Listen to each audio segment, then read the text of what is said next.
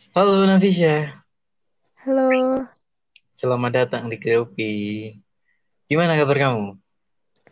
Alhamdulillah sehat. Kamu Alhamdulillah, lumayan sehat. lumayan. Kok Ya, lumayan? ya lumayan cukup. Lumayan kan maksudnya itu cukup sehat. Yo, Hmm, enggak sehat-sehat, Alhamdulillah. banget, tapi juga enggak kurang sehat gitu enggak. Benar-benar Capek ya pasti ya?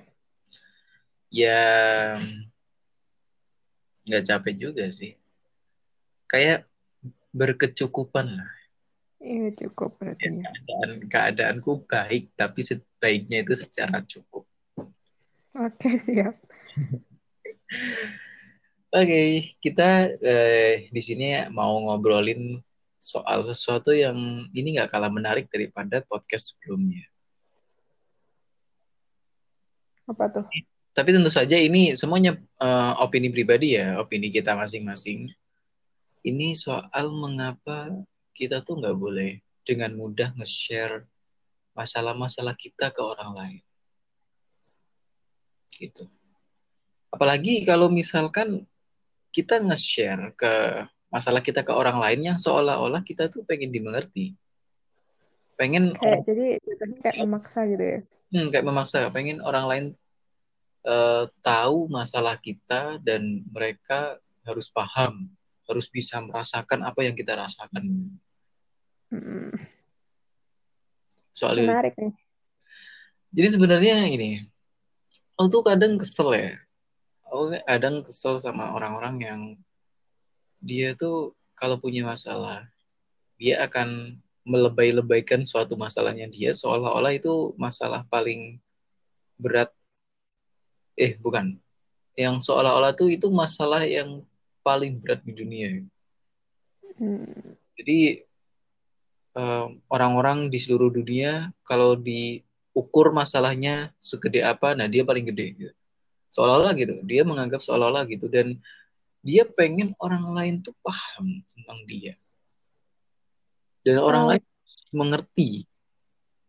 biasanya ini nggak sih pakai eh, mereka tuh cenderung pakai kata-kata eh kamu tuh nggak tahu sebe- seberapa besar masalahku ya. Emang kamu tahu seberapa besar masalahku? Ya, biasanya biasanya kayak gitu. Atau kalau enggak dia kayak apa namanya? eh, bikin story di WhatsApp, story di Instagram tuh tentang hal-hal yang yang mengarah ke situ. Kayak entah mungkin ada cuplikan film yang itu Hmm. eh, menggambarkan suatu depresi atau apa pun itu.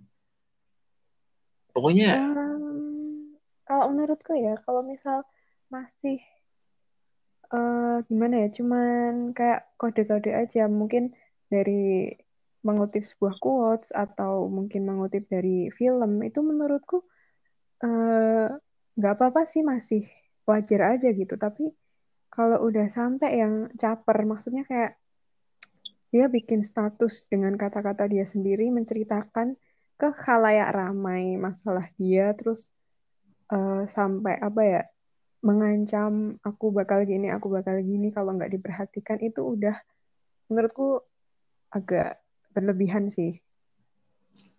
berarti kayak termasuk kita memamerkan kalau kita itu self harming. Itu gimana? Eh, aku nggak bisa ngomong itu salah atau benar ya karena kayak setiap orang tuh kayak beda-beda gitu loh. Maksudnya ada yang ada yang self harmingnya itu dia sembunyi-sembunyi karena itu menurut dia itu aib aib dia makanya nggak ini nggak biar nggak gimana caranya biar nggak ketahuan. Tapi dia emang self harming beneran gitu loh. Eh, biasanya ditutupi pakai dia pakai baju panjang atau dia self harmingnya di eh, anggota badan yang itu lebih tertutupi oleh pakaian. Terus yang kedua yang self harmingnya itu nggak tahu kenapa malah dipamer-pamerin. Biar kalau aku nganggapnya ini lebih ke apa ya cari perhatian sih. Jadi self harmingnya kayak di post di story atau di status terus habis itu pakai kata-kata yang gitulah itu menurutku berlebihan sih. Kayak uh, dampaknya itu gimana ya? Orang-orang tuh bukan malah uh, simpati ke kamu, malah kayak gimana ya? Ini orang ngapain sih kan? Nggak setiap orang tuh paham dan mau ikut campur sama masalah orang lain gitu loh. Iya benar. Mengenai self harming emang yang harusnya self harming itu disembunyikan harusnya. Kenapa harus? harus? Kenapa harusnya? Yang pertama tuh, yang pertama gini. Kalau kamu self harming, self harming itu kan sama aja kamu menyakiti diri sendiri. Dan itu adalah sebuah aib besar menyakiti diri sendiri itu. Harusnya loh, harusnya kamu malu kalau kamu melakukan ya. self. Kamu malu. Ya, Karena malu. artinya kamu mengatakan itu ke semua orang bahwa kamu tidak menghargai dirimu sendiri. Dan kamu bertindak ceroboh. Dan uh, dan kamu bertindak ceroboh. Kamu kamu punya masalah sebesar mungkin masalah itu uh, benar-benar besar dan itu benar-benar ngena di kamu. Tapi setelah itu kamu self harming dan kamu menghalalkan itu bahwa self harming itu adalah tindakan yang benar saat itu. Tindakan yang harus yang di, bisa dimaklumi. Itu salah. Lalu yang kedua, jika misalkan uh, kamu self harming terus kamu mengatakan itu ke semua orang atau kamu tidak melakukan itu secara diam-diam, berarti semisal aku nggak peduli, itu adalah tindakan yang sangat benar. Kamu self harming, kamu mengatakan ke aku ke kalian publik bahwa eh ini loh aku sedang self harming loh ini gara-gara ada suatu masalah yang itu benar-benar gede banget buat aku. Dan ketika aku nggak peduli kalau kamu self harming itu adalah tindakan yang benar. Kenapa? Kamu aja nggak peduli sama dirimu sendiri. Kenapa kamu nyuruh orang lain buat peduli? Ya kan? Iya, ya. aku aku uh, maaf ya ini sebenarnya aku sempat punya temen yang dulunya itu kayak gitu self harming tapi dia ngepost. Nah di sini perasaanku tuh nggak simpati ke dia malah um, apa namanya kayak ini apa sih kok uh, menyakiti diri sendiri apa terus minta simpati gitu minta empati juga kan ya nggak bisa orang kamu aja nggak uh, cinta sama dirimu sendiri ngapain orang lain suruh peduli gitu? Aku emang jujur emang di batinku gitu gitu. Aku bener-bener nggak ada rasa ingin bertanya atau kamu kenapa gitu. Enggak malah apa sih gitu malah gitu. Aku jahat nggak sih? Ya ya nggak jahat dong. Loh, kenapa kamu kayak merasa merasa jahat ke orang yang self harming? Orang yang self harming aja udah jahat pada dirinya sendiri. Uh, iya. Terus kalau sampai self harming ngomong, iya harusnya kalian tuh menolongku biar nggak gini, biar nggak gini, biar nggak gini. Uh, ini kalau misalkan uh, podcast kita didengerin oleh orang-orang yang pernah self harming, ini pasti bakal mengkritik dan mereka pasti akan bilang ah kamu ah, nggak oh, pernah merasakan itu sih nah pasti bakalan gitu. Nah makanya aku mau cerita bahwa kenapa aku bisa ngomong begini kenapa aku bisa ngomong bahwa self harming itu adalah suatu tindakan yang salah. Dan itu sebenarnya kalau misalkan kamu mau self harming itu ya harus benar-benar sembunyi. Nggak boleh itu dipublikasi karena itu yang pertama adalah sebuah Terus yang kedua, self harming itu adalah perbuatan yang keji yang itu sebenarnya nggak boleh. Itu artinya kamu nggak sayang sama dirimu sendiri. Sebesar apa pun masalahmu, sebesar apa pun uh, dunia jahat kepadamu, setidaknya kamu nggak jahat pada dirimu sendiri. Kenapa aku bisa ngomong gini? Karena dulu aku pernah berada di sebuah fase yang itu benar-benar aku down banget di situ aku benar-benar down dan aku pernah ada di posisi itu. Aku ingin mengakhiri hidupku gitu loh. Aku ingin mengakhiri hidupku. Tapi alhamdulillah aku nggak sampai uh, berbuat seperti itu. Aku cuma hampir bahkan nggak cuma sekelas self farming tapi mau bunuh diri. Sekelas hampir mau bunuh diri. Aku aku pernah mau mengalami hal itu. Sehingga aku tahu gimana rasanya punya suatu masalah yang itu benar-benar bikin kamu shock, bikin kamu down, bikin kamu seolah-olah kamu tuh nggak guna di dunia ini. Tapi sebenarnya kalau kita pikir-pikir lagi, kita pikir dalam-dalam lagi, sebenarnya kita nggak pantas buat ngelakuin self harm. Dengan masalah yang seperti itu ternyata, oh ternyata ada orang yang nggak seberuntung aku. Aku emang punya masalah, tapi aku masih bisa makan enak. Tapi aku masih punya teman.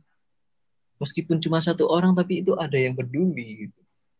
Atau mungkin aku masih punya HP, aku masih bisa Instagram, aku masih bisa buka YouTube dengan sesuka hati jadi misal aku punya masalah yang gede, aku yakin masih ada orang yang punya masalah yang gede, yang lebih gede daripada aku di luar sana. Tapi mereka bisa menyikapi hal itu dengan tenang. Sehingga bikin mereka seolah-olah itu nggak punya masalah. Dan setelah itu aku belajar untuk melakukan hal itu sampai sekarang. Intinya bersyukur gitu ya? Hmm, intinya ya, yang pertama bersyukur. Yang kedua, semisal kamu punya suatu masalah yang itu kamu nggak bisa menghandle itu, ya udah kamu lari aja ke yang ahlinya, psikiater atau psikolog. Udah, itu aja. Dan itu kamu nggak boleh, nggak boleh apa namanya, mempublikasi kalau kamu tuh punya masalah. Menurutku loh ya, itu nggak boleh. Karena setiap masalah itu aib. Buktinya apa? Kenapa sekarang ini? Mengapa kalau misalkan uh, orang Inggris ya, ini orang Inggris, mm-hmm. orang luar negeri, yang di mana mereka itu notabene adalah orang yang memulai peradaban internasional. Bukannya memulai, deh, tapi mempopulerkan peradaban internasional, yaitu uh, bahasa Inggris. Kalau misal ditanya kabar how are you, jawabannya ada dua kan, I'm fine atau I'm in terrible atau apa pun itu. Intinya baik atau buruk.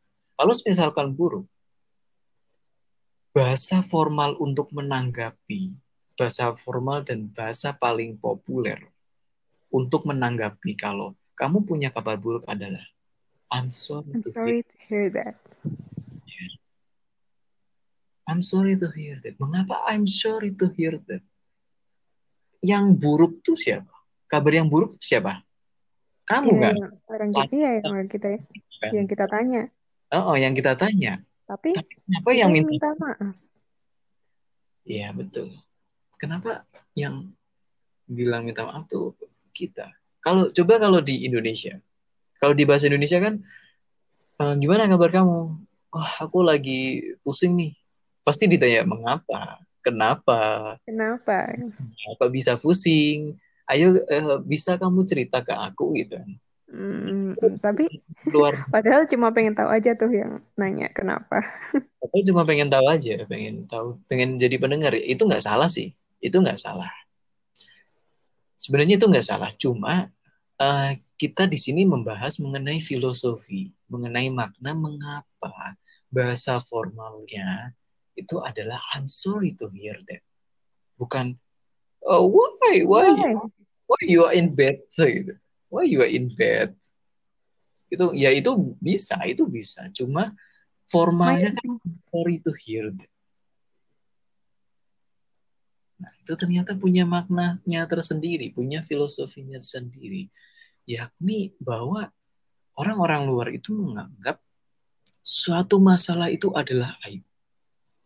Saking aibnya, kalau sampai kamu cerita ke aku, itu berarti masalahnya itu saking gedenya. Saking gedenya, sampai kamu cerita ke aku. Dan aku sampai minta maaf. Tahu aibmu, Wih, aku tahu nih, aku tahu aibmu. Aku minta maaf ya. I'm sorry to hear that.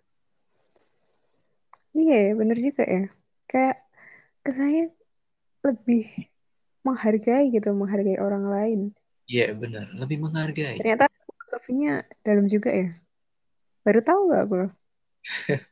Iya, emang gitu. Emang sebenarnya tuh gitu. Bahwa itu artinya bahwa suatu masalah, tiap masalah orang itu adalah aib. Yang itu tuh harus dibungkus rapat-rapat. Jadi kita eh, nggak uh, boleh mengatakan itu kepada orang lain, nggak boleh sembarangan. Harus ke hmm. orang-orang yang benar-benar kamu percaya suatu masalah. Nah, dari situ aja itu artinya kita nge-share masalah kita ke orang lain aja itu sebenarnya nggak boleh sebenarnya nggak boleh dan itu nggak boleh sembarangan apalagi kita memaksa orang lain untuk paham untuk bisa merasakan uh, masalah itu, itu lebih kurang ajar sih kurang ajar sebenarnya itu nggak itu sebenarnya lebih kurang ajar terhadap dirimu sendiri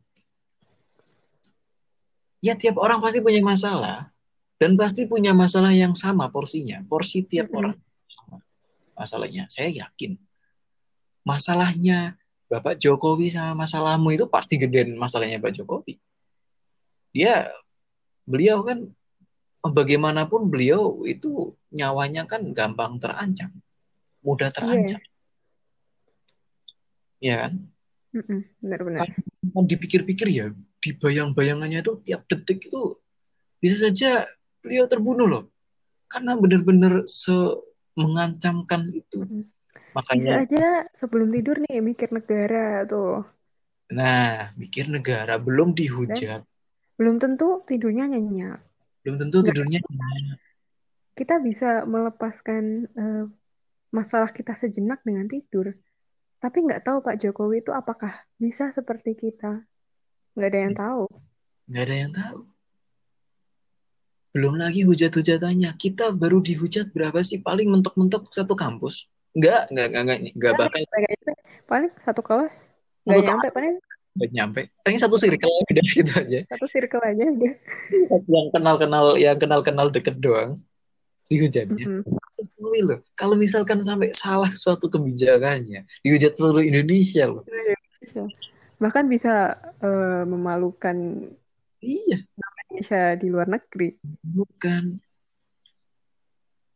benar-benar sekompleks itu masalahnya sebesar itu tapi apakah kamu pernah mendengar Bapak Jokowi sambat ke kamu dan seolah-olah kamu tuh harus mengerti perasaanku bahwa aku dihujat seluruh Indonesia gitu aku bisa dengan mudah dihujat seluruh Indonesia kalau aku uh, salah ngomong. Kalau aku sembarangan, aku bisa kena ini, aku bisa kena itu gitu. Iya ya. Jokowi gitu kan enggak. Tetap, tetap stay cool, tetap tenang, tetap kalem. Tetap, tetap berwibawa. Seolah berwibawa, seolah-olah itu enggak ada masalah. Tetap menciptakan suasana yang baik di istana kenegaraan. Kan gitu. Terus mengapa seolah-olah kita menganggap bahwa masalah kita adalah yang terbesar? Padahal masalah kita itu sama porsinya, sesuai kemampuan kita. Nggak bakal eh, suatu masalah itu melebihi kemampuan kita. Itu nggak, nggak mungkin. Nggak mungkin eh, kita yang begini-gini aja, yang cuma kuliah, setelah kuliah terus tiduran, igian itu masalahnya sama seperti Pak Jokowi nggak mungkin. Enggak. Nggak mungkin ketika kamu salah ngomong kamu bakal dihujat ke seluruh Indonesia nggak mungkin. Ya kan? Berarti ini ya eh, sebenarnya kalau misal kita sharing masalah kita dan memaksa untuk orang lain memahami uh, apa yang kita alami gitu kan kayak kesannya malah nambahin beban bagi orang lain gak sih? Iya. Yeah. Karena orang lain juga punya masalah. Kecuali, ini kecuali. Kecuali kalau kamu cuma pengen sekedar cerita. Mm-mm. Pengen sekedar... Iya, pengen meluapkan aja lah. Pengen apa ya, ya itu meluapkan. Kayak misalkan aku punya masalah, terus aku ke kamu langsung sambat. Wah, aku punya masalah ini, ini, ini. Tapi ya udah. itu cuma sebagai ajang untuk mengumpat lah intinya untuk mengumpat aku untuk mengumpat uh, aku malah suka sama orang yang kayak gitu sih aku punya beberapa temen yang emang dia tuh uh, gimana ya sebelum dia cerita itu tuh ngomong gini uh, manggil dulu kan manggil aku dulu terus habis itu aku mau cerita gitu. Ya aku tanya dong cerita apa gitu. uh, ya dia cuma bilang tapi uh, apa kamu nggak perlu ini kok nggak perlu ngasih solusi banyak-banyak. Aku cuma pengen cerita aja pengen meluapkan gitu. Aku nggak maksa kamu untuk memahami atau ngasih solusi yang mendalam gitu. Jadinya kayak apa ya aku pun uh, membaca cerita dia atau mendengar cerita dia itu dengan nyaman. Dengan nyaman dan tidak perlu berpikir keras gitu loh untuk hmm. mencari solusi. Dan dia pun ceritanya juga nyaman.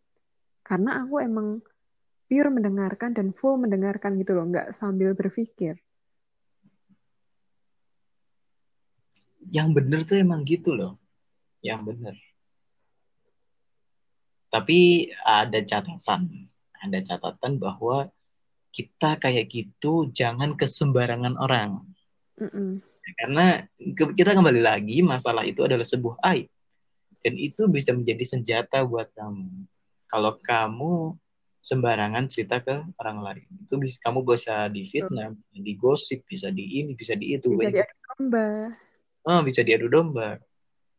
Intinya uh, dengan catatan bahwa kamu kalau misalkan ada masalah kamu cerita aja cukup cerita aja mengumpat atau sambat atau terserah lah whatever yang senyamanmu aja tapi yang perlu di ingat bahwa yang pertama jangan menceritakan ini ke sembarangan orang. Ceritakan ke orang-orang yang emang benar-benar kamu percaya.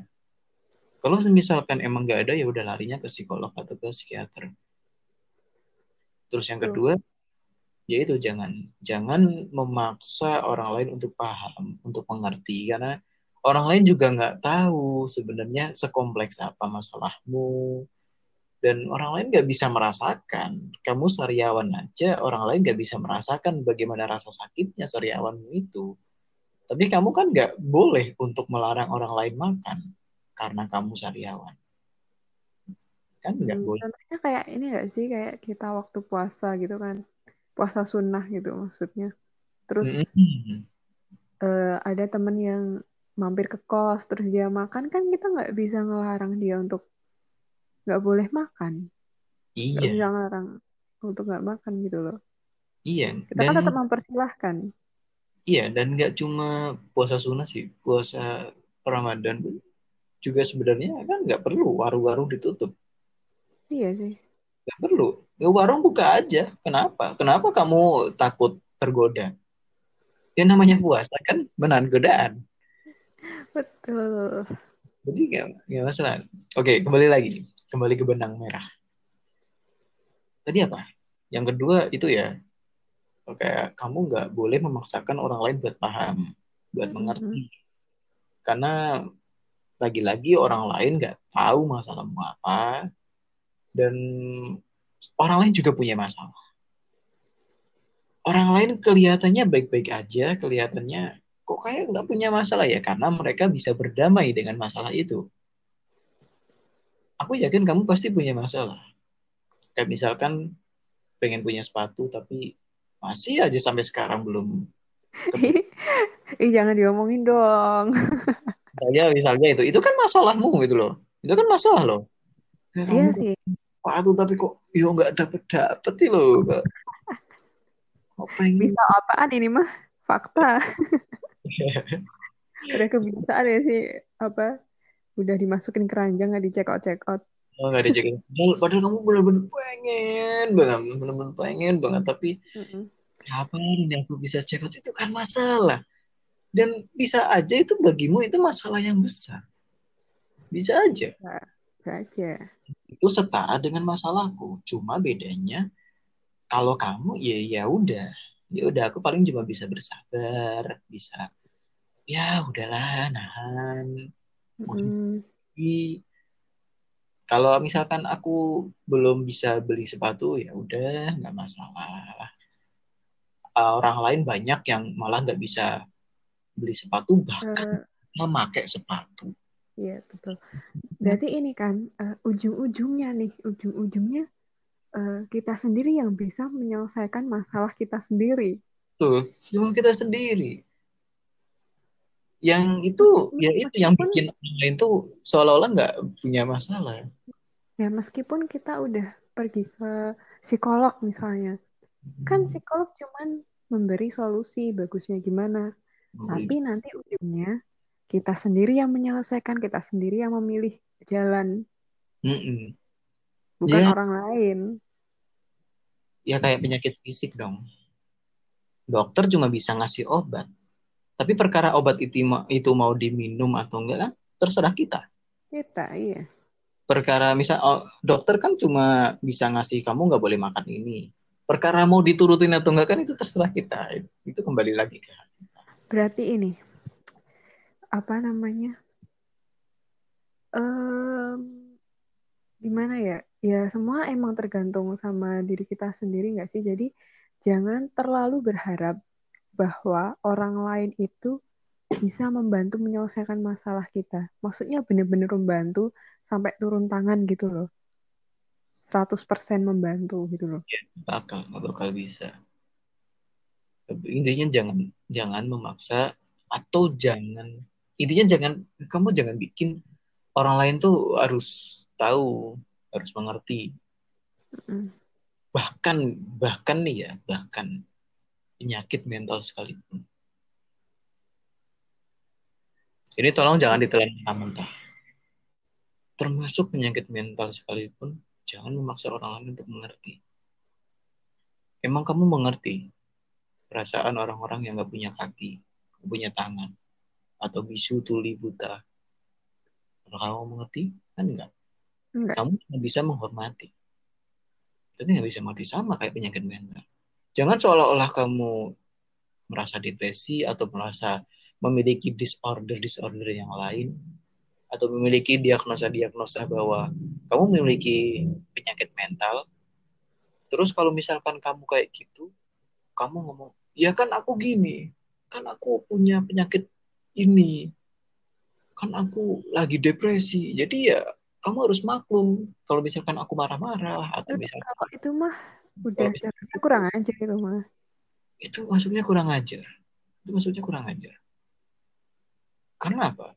Ya karena kalau misalkan ya kalau misalkan ada orang yang memiliki penyakit mental terus kita harus uh, memaklumi setiap tindakan-tindakan dia, setiap gejala-gejalanya dia, itu berarti kamu nggak boleh membeli sepatu, nggak boleh pakai sepatu, nggak boleh pakai sandal. Kamu harus pakai kursi roda, atau kamu harus pakai itu apa namanya, yang buat jalan itu. Ah, alat alat untuk jalan yeah, itu. Iya, iya. Yang kayak tongkat itu ya. Kayak tongkat itu. Kamu harus pakai itu. Kamu nggak boleh pakai sepatu nggak boleh pakai sandal nggak boleh beli sepatu juga. Karena kamu harus merasakan orang yang nggak punya kaki gimana kamu harus memaklumi orang yang nggak punya kaki. Dengan cara kamu nggak boleh pakai itu. Karena biar biar kamu paham biar kamu tahu bagaimana rasanya. Apakah begitu? Kan enggak nyatanya ini uh, di garis perlu di garis bawah ya. Kita bukan nggak respect sama orang yang memiliki disorder disorder ya. Cuman uh, ini pesan kita itu teruntuk orang yang menyalahgunakan penyakit disorder disorder ini. Ya secara kayak gitu tadi. Untuk egonya mereka. Nah untuk ego. Untuk egonya mereka. Saya punya aku punya teman yang dia juga memiliki diagnosa seperti itu. Bahwa mereka bahwa dia itu memiliki suatu penyakit mental juga. Tapi mereka tapi dia itu enggak enggak enggak apa ya tidak menyalahgunakan itu untuk egonya. Dia di depanku ya dia biasa.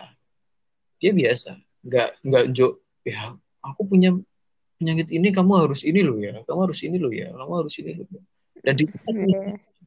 suatu saat di saat dia kambuh. Setelah kambuh dia minta maaf. Setelah sadar kembali gitu loh, dia minta maaf. Minta maaf. Ya minta maaf. Dia minta maaf bahwa eh maaf ya kemarin aku gini, soalnya aku gini, soalnya aku gini gitu. Gitu loh. Jadi enggak Itu Enggak. iya, itu sopan sih itu. ajar itu kamu harus memaklumi itu enggak. Kamu itu tetap salah karena itu kan merugikan orang lain. Eh, kamu tahu kasus ini nggak sih yang di itu loh acara TV yang model-model tuh yang salah satu eh, pesertanya dia menceritakan tentang eh, eating disordernya dia dan Tahu tahu tahu. Ya, itu. yang rame itu ya, yang rame karena komentarnya Luna Maya dan Deddy Corbuzier. Menurutku eh, nggak masalah sih sebenarnya dia menceritakan eh, penyakitnya itu.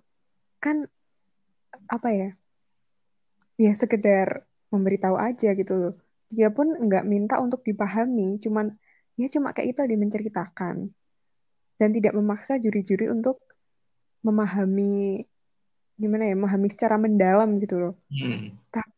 menurutku eh, ini yang salah itu emang Dedi sama Luna sih. Ya, kalau karena di situ iya. ya karena dia aduh parah banget itu kayak eh kayak malah jatuhnya kayak menghina gitu loh. Apa nggak kasihan sih sama pesertanya yang itu? Kalau itu emang jatuhnya menghina, tapi aku yakin nih, aku yakin niatnya ini aku bukan berarti membela siapa-siapa loh ya. Aku netral. Aku di sini netral. Itu tolong untuk digarisbawahi aku netral. Aku nggak bukannya membela ke siapa-siapa. Aku cuma melihat dari sudut pandang yang berbeda. Kalau menurutku, iya, secara secara sosial, secara umum, Dedi dan Luna Maya telah menghina tentang penyakit mental, tentang eating disorder, bahwa seolah-olah itu tuh nggak nyata gitu, seolah-olah itu tuh nggak ada, makanya jatuhnya menghina. Tapi menurutku eh, niat awalnya itu sebenarnya nggak menghina, tapi kayak kayak mengapa kamu tidak mensyukuri hidupmu, meskipun kamu punya penyakit itu, tapi setidaknya kamu harus bersyukur. Apa pun yang telah kamu punya. Eh, berarti ini ya caranya yang salah. Hmm, caranya yang salah. sebenarnya pun eh, Dedi pun udah memuji loh. Kamu cantik kamu pintar kamu seksi kamu tinggi. Cuman eh, cara dia mengingatkan untuk bersyukurnya itu terlalu kejam. Iya, mungkin terlalu kejam dan kayak salah ngomong. Sungguh jatuhnya mungkin. salah ngomong kayak ya itu kan bilang berarti kamu menghina eh, tukang martabak kan, tukang martabak di depan rumah saya, itu kan. Itu kan eh, sebenarnya kata-katanya salah, tapi aku tahu maksudnya apa. Mm, aku pun tahu kayak ya kayak yang kita bahas sebelumnya kan Iya, pentingnya untuk bersyukur iya. Aku yakin maksudnya tuh itu, maksudnya tuh ya sekarang kita lihat gini. Kita lihat Luna Maya deh. Luna Maya waktu dulu kasusnya Luna Maya yang videonya tersebar. Iya, iya iya, Banyak yang tersebar hampir ke seluruh orang Indonesia loh. Gimana itu? Kamu lagi lagi fun-fun kan? Lagi having fun, having fun. tiba-tiba tersebar ke seluruh Indonesia gitu loh. Bener-bener jatuh mentalnya. Mentalnya pasti jatuh. Bener-bener jatuh lah. Itu karir jatuh. Rusak loh itu. apakah kita tahu bahwa Luna Maya itu mentalnya jatuh pasti nggak jatuh cuman mengi- hanya mengira-ngira tapi kan kita nggak tahu eh, ah, keadaan sebenarnya Luna itu kayak gimana karena dia menyembunyikan dia menyembunyikan.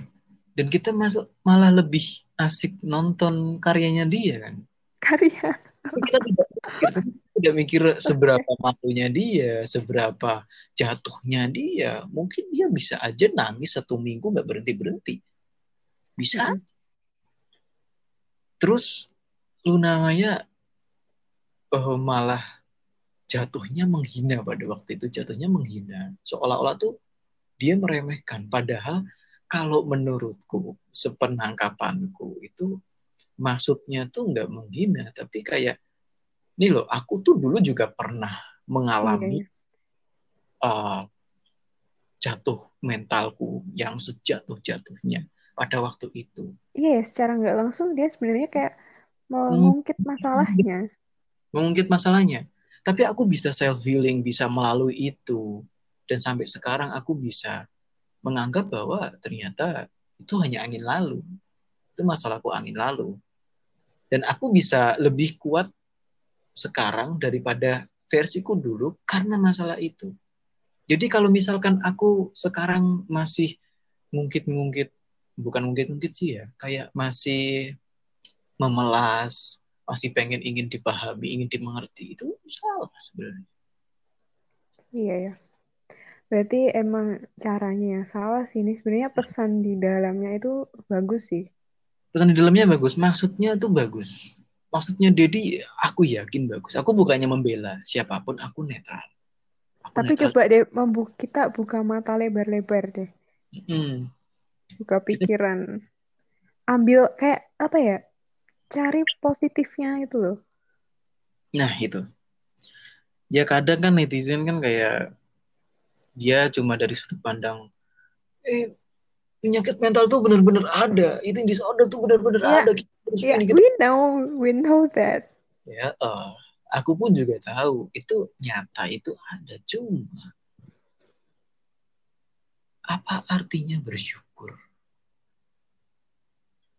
Apa artinya bersyukur jika kita tuh suruh disuruh untuk menjadi uh, ini kasarannya loh ya ini kasarannya bukan bermaksud menghina.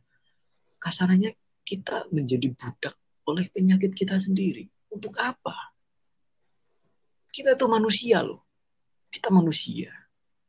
Yang kalau misalkan secara agama, secara agama kita ditunjuk oleh Tuhan, hei manusia, kamu ditunjuk untuk memimpin suatu dunia, untuk menjadi khilafah di bumi ini, untuk menjadi pemimpin dunia ini, memimpin dunia ini. Tuh, dan sesungguhnya kamu adalah makhluk yang paling sempurna Diberi iya. akal, diberi pikiran, diberi perasaan. Makhluk yang paling sempurna. Tapi mengapa kita harus tunduk terhadap penyakit kita sendiri gitu loh. Aku pernah dengar suatu cerita. Ini nyata, ini benar-benar kisah nyata, tapi aku nggak tahu persis uh, orangnya. Di situ diceritakan bahwa ada dokter di Jogja. Di Jogja itu ada dokter yang dokter itu tuh nggak sembarangan ngasih resep, nggak sembarangan ngasih obat. Kalau misalkan penyakit orangnya itu masih normal, masih yaitu penyakit biasa, belum kronis-kronis banget, itu nggak dikasih resep, nggak dikasih obat. Kalau misalnya ada orang yang periksa, datang, misalkan, wah dok, ini aku pusing atau flu atau apa, dokternya itu cuma bilang, cuma nanya, kamu pengen sembuh nggak? Dijawab pengen, Pak. Ya udah, kalau kamu pengen sembuh, jangan pikirkan kalau kamu tuh sakit. Jangan pikirkan kamu sakit flu. Pikirkan kalau kamu sehat. Bagaimanapun caranya. Udah itu aja. Gak dikasih obat. Itu itu nyata, itu nyata wow. benar dan itu terbukti sembuh. Artinya apa? Artinya apa? Bahwa kita tuh uh, iya kita adalah makhluk yang paling banyak diberi, diberi masalah. Kita makhluk yang paling banyak diberi masalah. Sampai-sampai segelintir orang berkata bahwa Tuhan itu nggak adil. Karena kita selalu diberi masalah terus gitu loh. Kita diberi masalah terus. Tapi kita juga diberi hak untuk mengendalikan suatu masalah. Contohnya yaitu melalui akal pikiran, Makanya aku di sini setuju kalau penyakit mental itu nyata, penyakit mental itu ada, disorder disorder itu ada. Cuma kita nggak boleh kayak wah aku kena disorder nih. Ya wajar dong kalau aku gini, ya wajar dong kalau aku gitu. itu menurutku nggak boleh sih. Itu namanya tunduk terhadap penyakit dan kita justru menikmati penyakit itu. Yang menikmati justru kita. Iya ya. Kita pengen sembuh, tapi malah kita menikmati penyakit. Sehingga kita sembuh-sembuh, kita nggak bakal sembuh-sembuh. Dan uh, sebenarnya dari sudut pandangku itu yang masalah mengenai model terus dihina kasarannya dihina oleh Dedi itu sebenarnya ada sisi baiknya dan ada sisi salahnya dari sisi model. Kayak, yang pertama, uh, mengapa kamu cerita kayak gitu? Karena itu kayak di acara TV. Eh, iya, nggak pada tempatnya. Ke... Oh ya, bakat. Itu di acara ajang bakat. Gini loh, gini, gini. Itu itu kan acara bakat pencarian model ya, bakat model Terus aku cerita, aku punya penyakit ini, punya penyakit itu. Di dalam dan ternyata uh, kalau dari ceritanya ya dan ini sepenangkapanku ya, dia mendapatkan kasus bullying, kasus bullying itu di circle permodelan, di circle permodelan. Kamu dibullying karena fisikmu yang hmm. itu tidak memenuhi beauty standar permodelan. Nah, terus jadi kan ngomong, ya menurut saya itu adalah suatu hal yang wajar karena itu tuntutan. Kalau itu aku juga setuju. Emang di situ aku setuju sama kayak Sebuah, itu enggak ini enggak sih? Itu itu kan enggak sih sebenarnya? Kalau kita mikirnya dari sisi positifnya, itu kayak sebuah tonjokan buat diri kita untuk menjadi model yang lebih baik.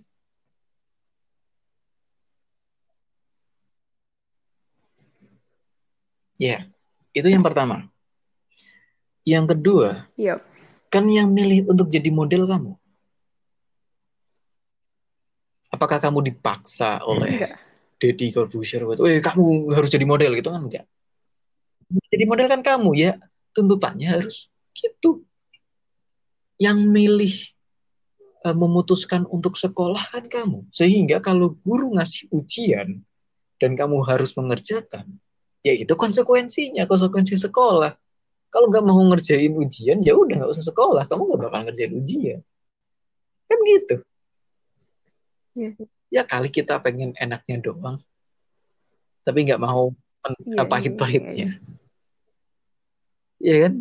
Ya sebenarnya nggak masalah. Yang yang bagian itu aku nggak masalah. Cuma mungkin uh, dari kacamata aku aku memandang dua-duanya salah sebenarnya. Yang pertama yang dari modelnya juga ngapain kamu cerita? Ceritanya di saat kayak gitu gitu itu nggak nggak nggak tepat. Kalau yang kedua jadi ya benar kataku tadi kan kayak eh, nggak uh, bisa menyatakan benar atau salahnya karena dua-duanya ada. Benernya ada salahnya juga ada. Hmm. ya itu. Itulah arti pentingnya mengapa kita tidak boleh sembarangan cerita masalah kita. Itu contohnya. Contohnya Terus, itu. Apalagi nih pesan untuk para audiens yang mungkin uh, masih apa ya gerusa-gerusu tuh apa ya sembarangan gitulah ya masih sembrono untuk melakukan tindakan-tindakan yang kita bahas di podcast kali ini.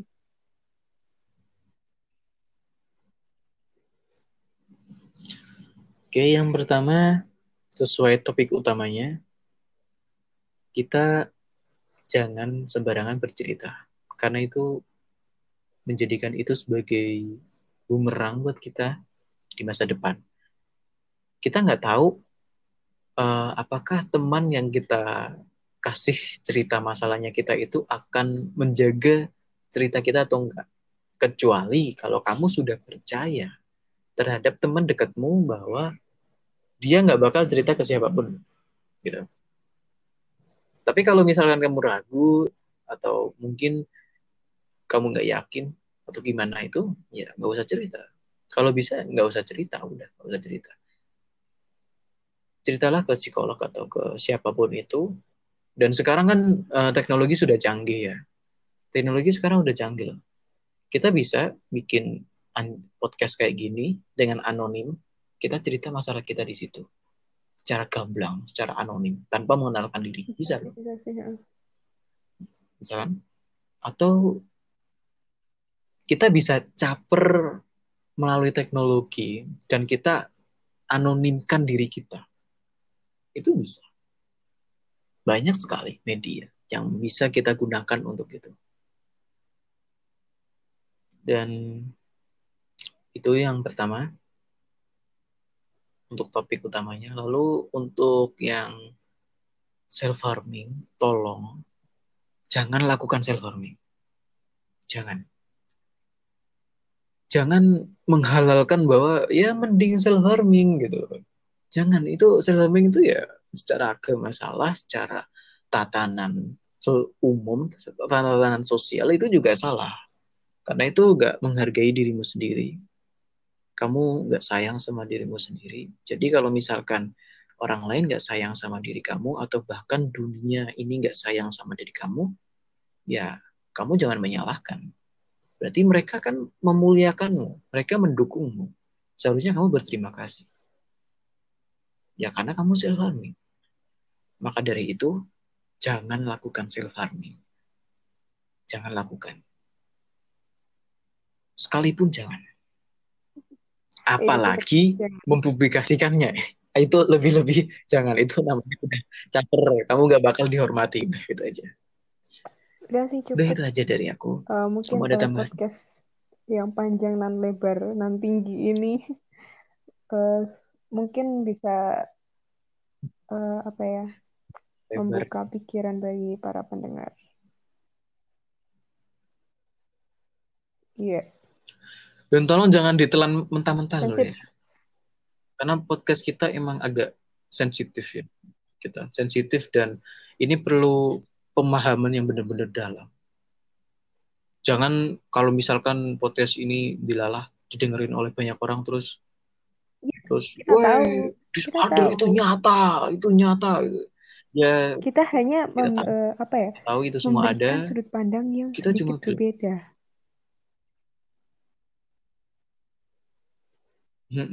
Sudut pandangnya sedikit berbeda bahwa kamu tuh nggak boleh lemah terhadap penyakitmu. Ya kalau kalau kamu lemah gimana itu bisa sembuh gitu. Kuat. Intinya cuma itu. ya guys ya. Jadi ya kan perkuatkan perkuatkan imun kan. Tuh. Imun kan nggak cuma buat fisik tapi kan itu juga buat Oke, mental. kayaknya cukup ya ini podcastnya udah Gitu. lama nih. Cukup deh. Thank you for listening. Kita nantikan podcast selanjutnya yang mungkin lebih Wow. menarik, tapi mungkin lebih sensitif dan tolong jangan ditelan mentah-mentah.